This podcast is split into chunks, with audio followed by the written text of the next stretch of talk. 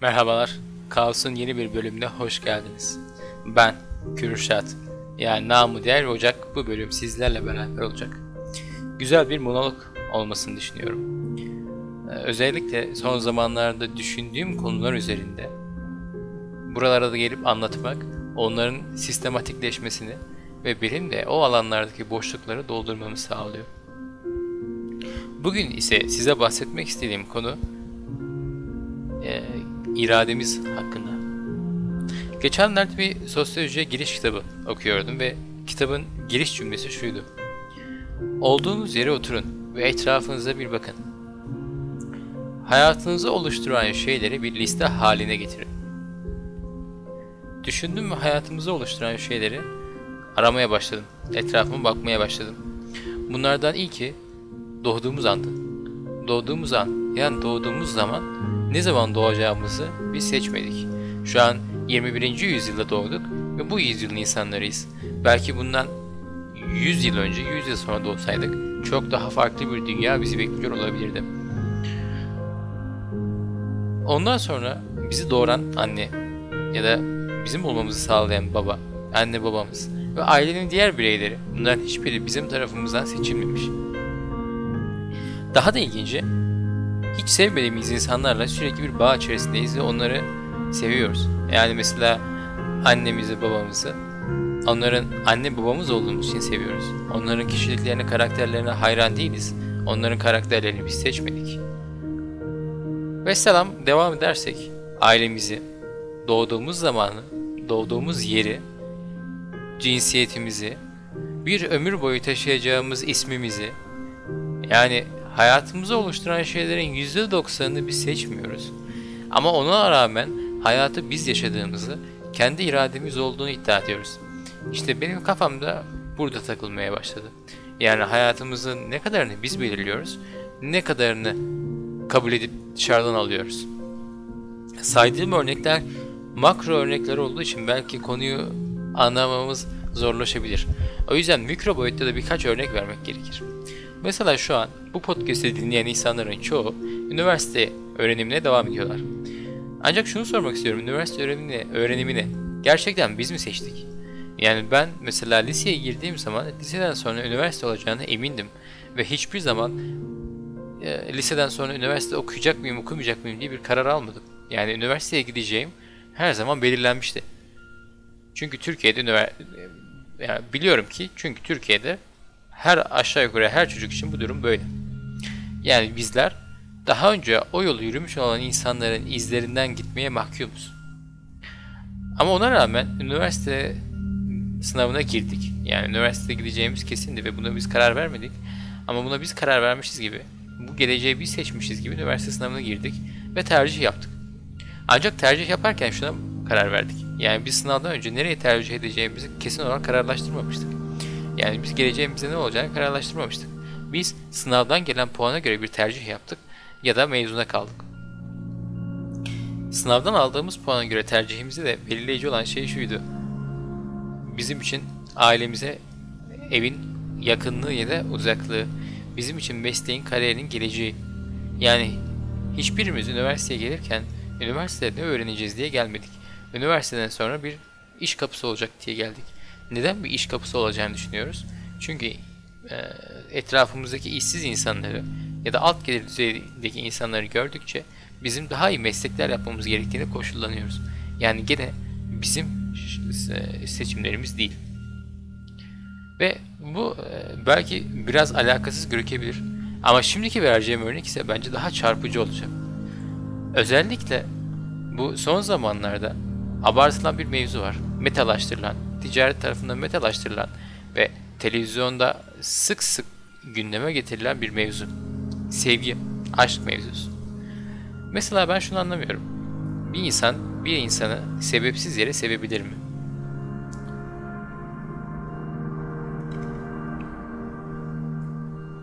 Hani daha demin örnek verirken de söylemiştim ya. Aile bireylerimizi biz seçmiyoruz. Ama onlar aile bireyleri olduğu için onları sevmeye devam ediyoruz. Sevgi konusunda da son zamanlarda televizyonlarda, sosyal medyada ya da herhangi bir mecrada şöyle bir algı var. Aşk insanın gözünü kör ediyor.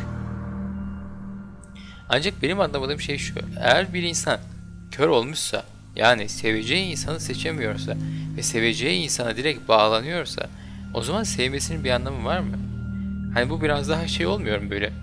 Bir anne çocuğu ne olursa olsun sever. Yani istisnaları saymazsak annelerin %99'u çocuklarını severler. Çocukları ne kadar çekilmez bir karakter de olsa o anneleri onları sever. Çünkü onlar annelerin çocuklarıdır. Onlar annesi onlar için annesinin kişilik yani annesi için çocuklarının kişiliklerinin bir önemi yoktur. Çocukları olduğu için onları her daim sever ve onlara ne yaparsa yapsın sevmeye devam eder. İşte o zaman biz eğer e, seveceğimiz, hoşlanacağımız insanı seçemiyorsak, onu sevdiğimizi düşündüğümüz için sevmeye devam ediyorsak, o zaman bu kendi irademiz tarafından verilen bir şey değil ki.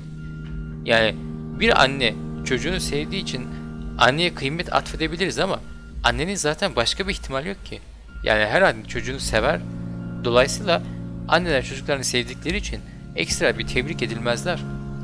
Yani o zaman bizim de e, gözümüzü kör edercesine aşık olduğumuz bir insanı sevmemiz, gözümüzü kör edercesine bağlandığımız bir insan aslında bizim için e, bilinçli bir tercih mi?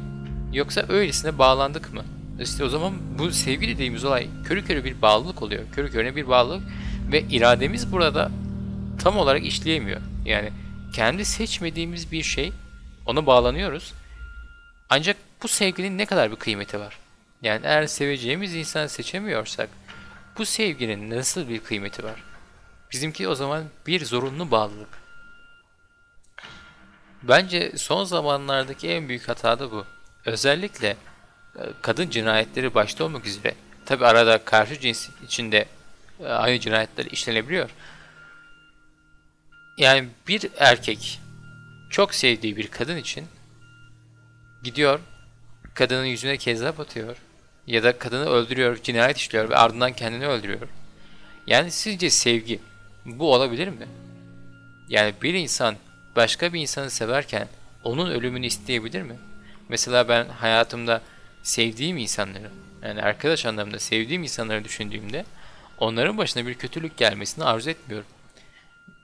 Veya onlara kızdığımda onlardan bir intikam alma gereği duymuyorum. Yani onlara bunu konuşuyorum ama onları öldürmek istemiyorum. Yani sinirleniyor olabilirim. Ancak onları öldürmek istemiyorum. Fakat ne tür bir sevgi bir insanı başka bir insanın öldürmesine sebep olabilir? İşte bence bu noktada 21. yüzyılda özellikle şu iki şeyi karıştırmaya başladık birbirine. Sevgi ve bağlılık. Bizler bize öyle bir sevgi anlatılıyor ki bu sevgi aşırı bir tutku, karşındakine bir bağlılık. Ancak bu bağlılık sevgi gibi sunulduğu halde karşıdaki insana zarar verecek derecede bir obsesif yani bir takıntı haline gelebiliyor. İşte benim sevgi hakkında anlamadığım konulardan biri de bu.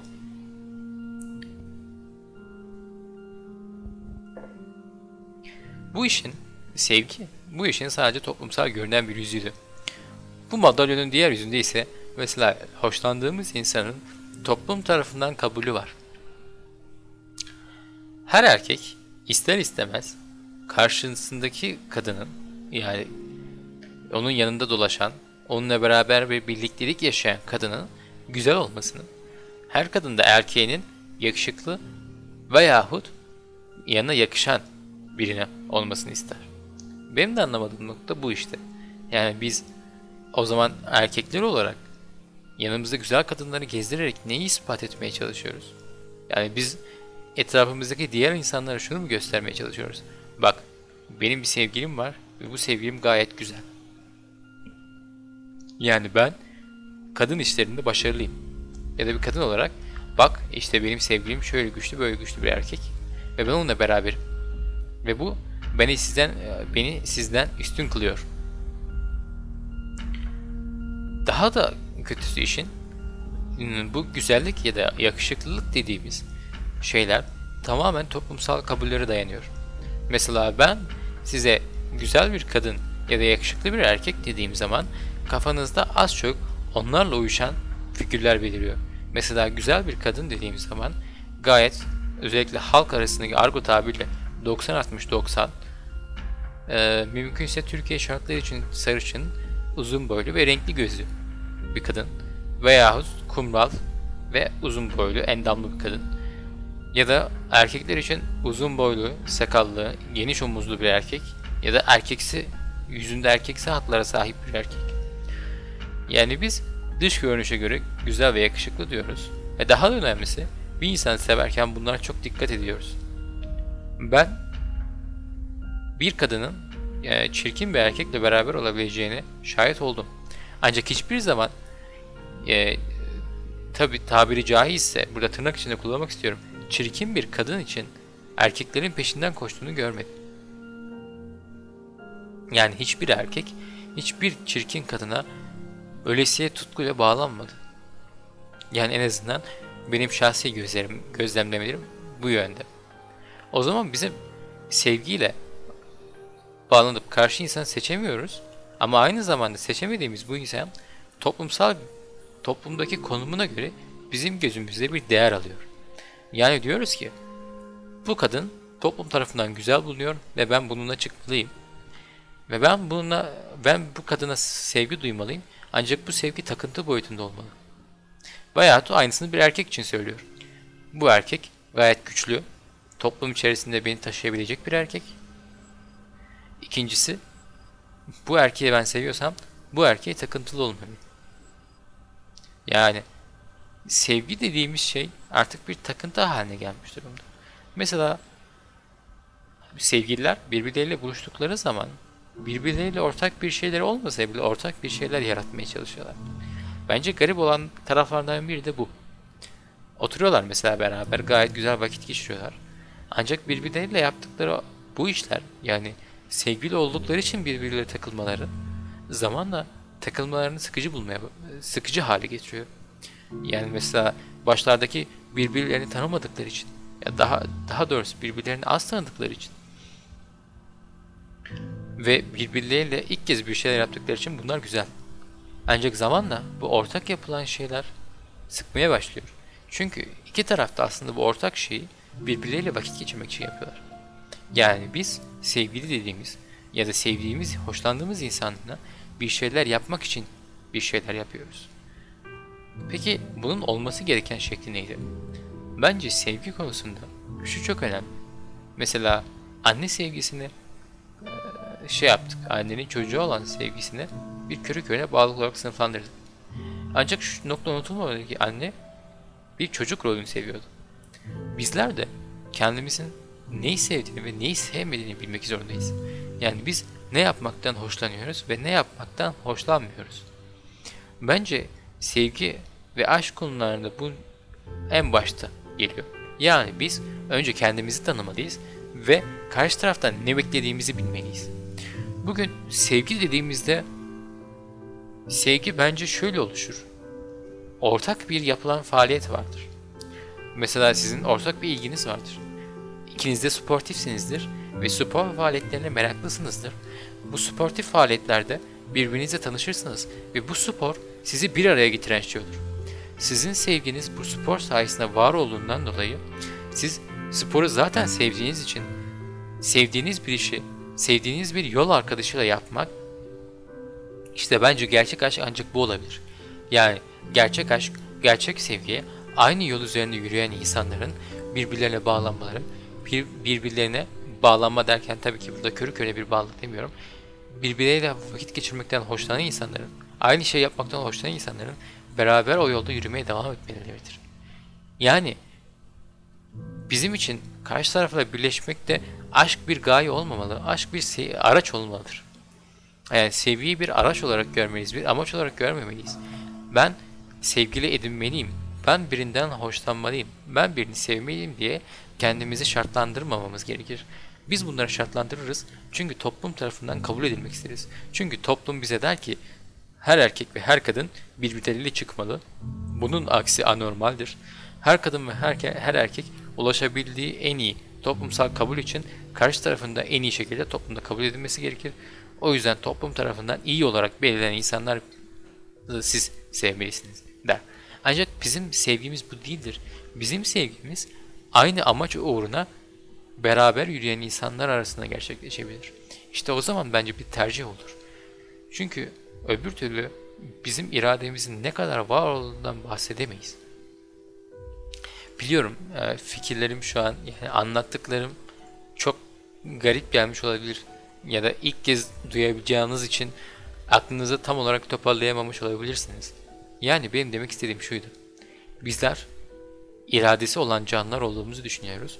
Ancak hayatımızın çok az alan, bir alanında irade sahibiyiz ve çoğunda toplum ne yapıyorsa genel kanının yani o yönde gitmeye meyilliyiz. Toplum ne giyiyorsa bizim de onu giymemiz gerekir. Çünkü bizler toplumsal kabullerle yaşayabilen canlılarız. Bizler dağda tek başına yaşayabilen insanlar değiliz. Ve bu kabuller o kadar içimize işlemiş ki bunların hiçbirini sorgulamaz hale gelmişiz. Yani sosyolojiye giriş kitabında belirttiği gibi benim etrafıma baktığım zaman bu toplumsal yapıları görmem işte bu ancak bu toplumsal yapılara düşünerek olabilir. Mesela biz sevgi diyoruz ancak bizim yaşadığımız şey gerçekten sevgi mi? Bizim bunları anlamamız lazım. Yani siz gerçekten toplum tarafından kabul edilen bir işi yaptığınız için mi mutlusunuz? Yoksa siz gerçekten hayatınızdaki çok değerli bir insana kavuştuğunuz için mi mutlusunuz? Yani siz sevgi ararken mesela bir erkek için siz çıkacağınız kızın güzelliğini yani kendinize oturun ve şunu sorun. Benim çıkacağım kız ya da erkek güzel ya da yakışıklı mı olsun? Yani gerçekten çok güzel bir kız mı olsun, çok yakışıklı bir erkek mi olsun? Bunu mu tercih ederim? Yoksa gerçekten beni anlayan, benimle aynı yolda yürüyen, ancak çirkin diye tabir edilen, toplum tarafından çirkin görülen bir kız ya da erkek mi olsun? Bence bu iki noktayı birbiriyle anlamak çok önemli. Ben yani bu ikisi arasındaki ayrımı koyduğumuz zaman şunu bilmeliyiz ki biz güzel kadın ya da yakışıklı erkek arıyorsak öncelikle bizi anlayan bir insan beklemiyoruz. Yani biz karşı taraftan bizi anlamasını beklemiyoruz. Bizim beklentilerimiz farklı ondan. Biz bir yol arkadaş aramıyoruz. Biz başımıza bir dert geldiğinde arkamızda duracak birini aramıyoruz. Biz yanımızda gezdirecek bir süs köpeği gibi birini arıyoruz. Ancak biz gerçekten kendimize destek olacak, kendimize yol arkadaş olacak ve bu hayatı çekilebilir kılacak bir insan arıyorsak işte o zaman bu şu an tabi size gösteremiyorum ancak yani sağ elimle gösteriyorum.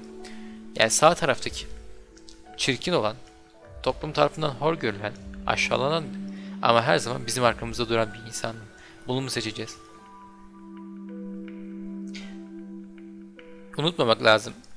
Mesela geçmişteki tabloları incelediğinizde şunu fark edersiniz ki güzel kadın ya da yakışıklı erkek figürleriyle günümüzdeki biraz daha farklıdır.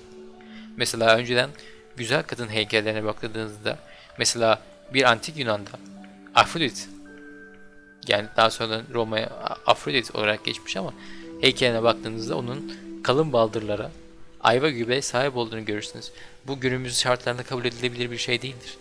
Ancak o zamanın insanları onu öyle güzel bulmuşlardır ve biz şimdiki insanları böyle güzel buluyoruz.